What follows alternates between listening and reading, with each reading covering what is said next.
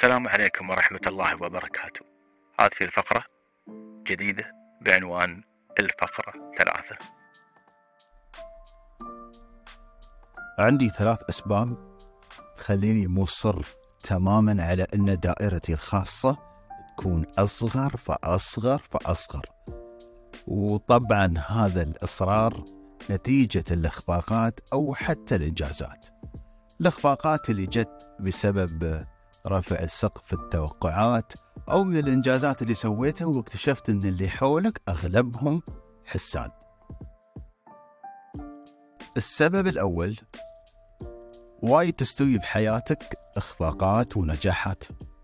وفي كلا الحالتين أنت تحتاج أشخاص حولك عارفين يتعاملون معك بالذات في هاي المواقف.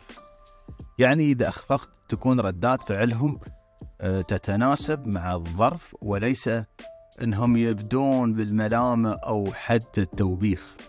وكذلك في النجاحات يكونون سعيدين وفاهمين الجهد اللي بذلته والتعب اللي عشته. وتخيل تخبر حد إنك أنجزت ويرد عليك. تمام تمام.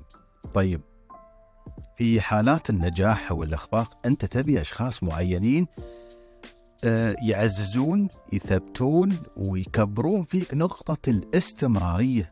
أنت لا تبحث عن المواساة أو الشفقة. أنت تحتاج ناس حقيقيين حواليك.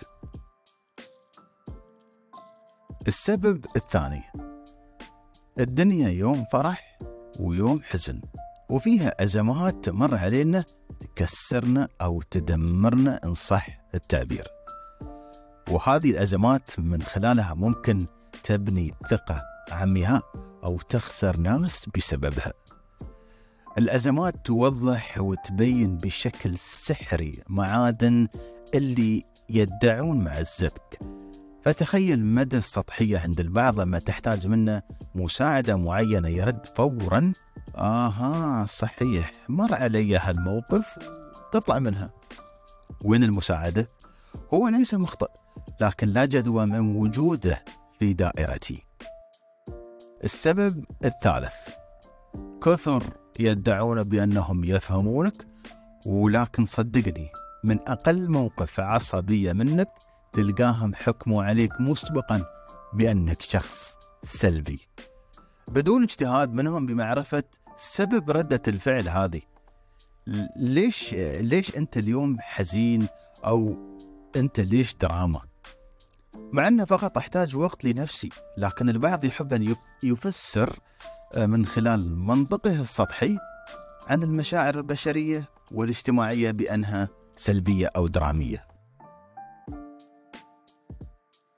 عزيزي المستمع عزيزتي المستمعة أنت في كل سنة قاعد تكبر وقاعد تنضج من خلال المسارات اللي مرت عليك في حياتك.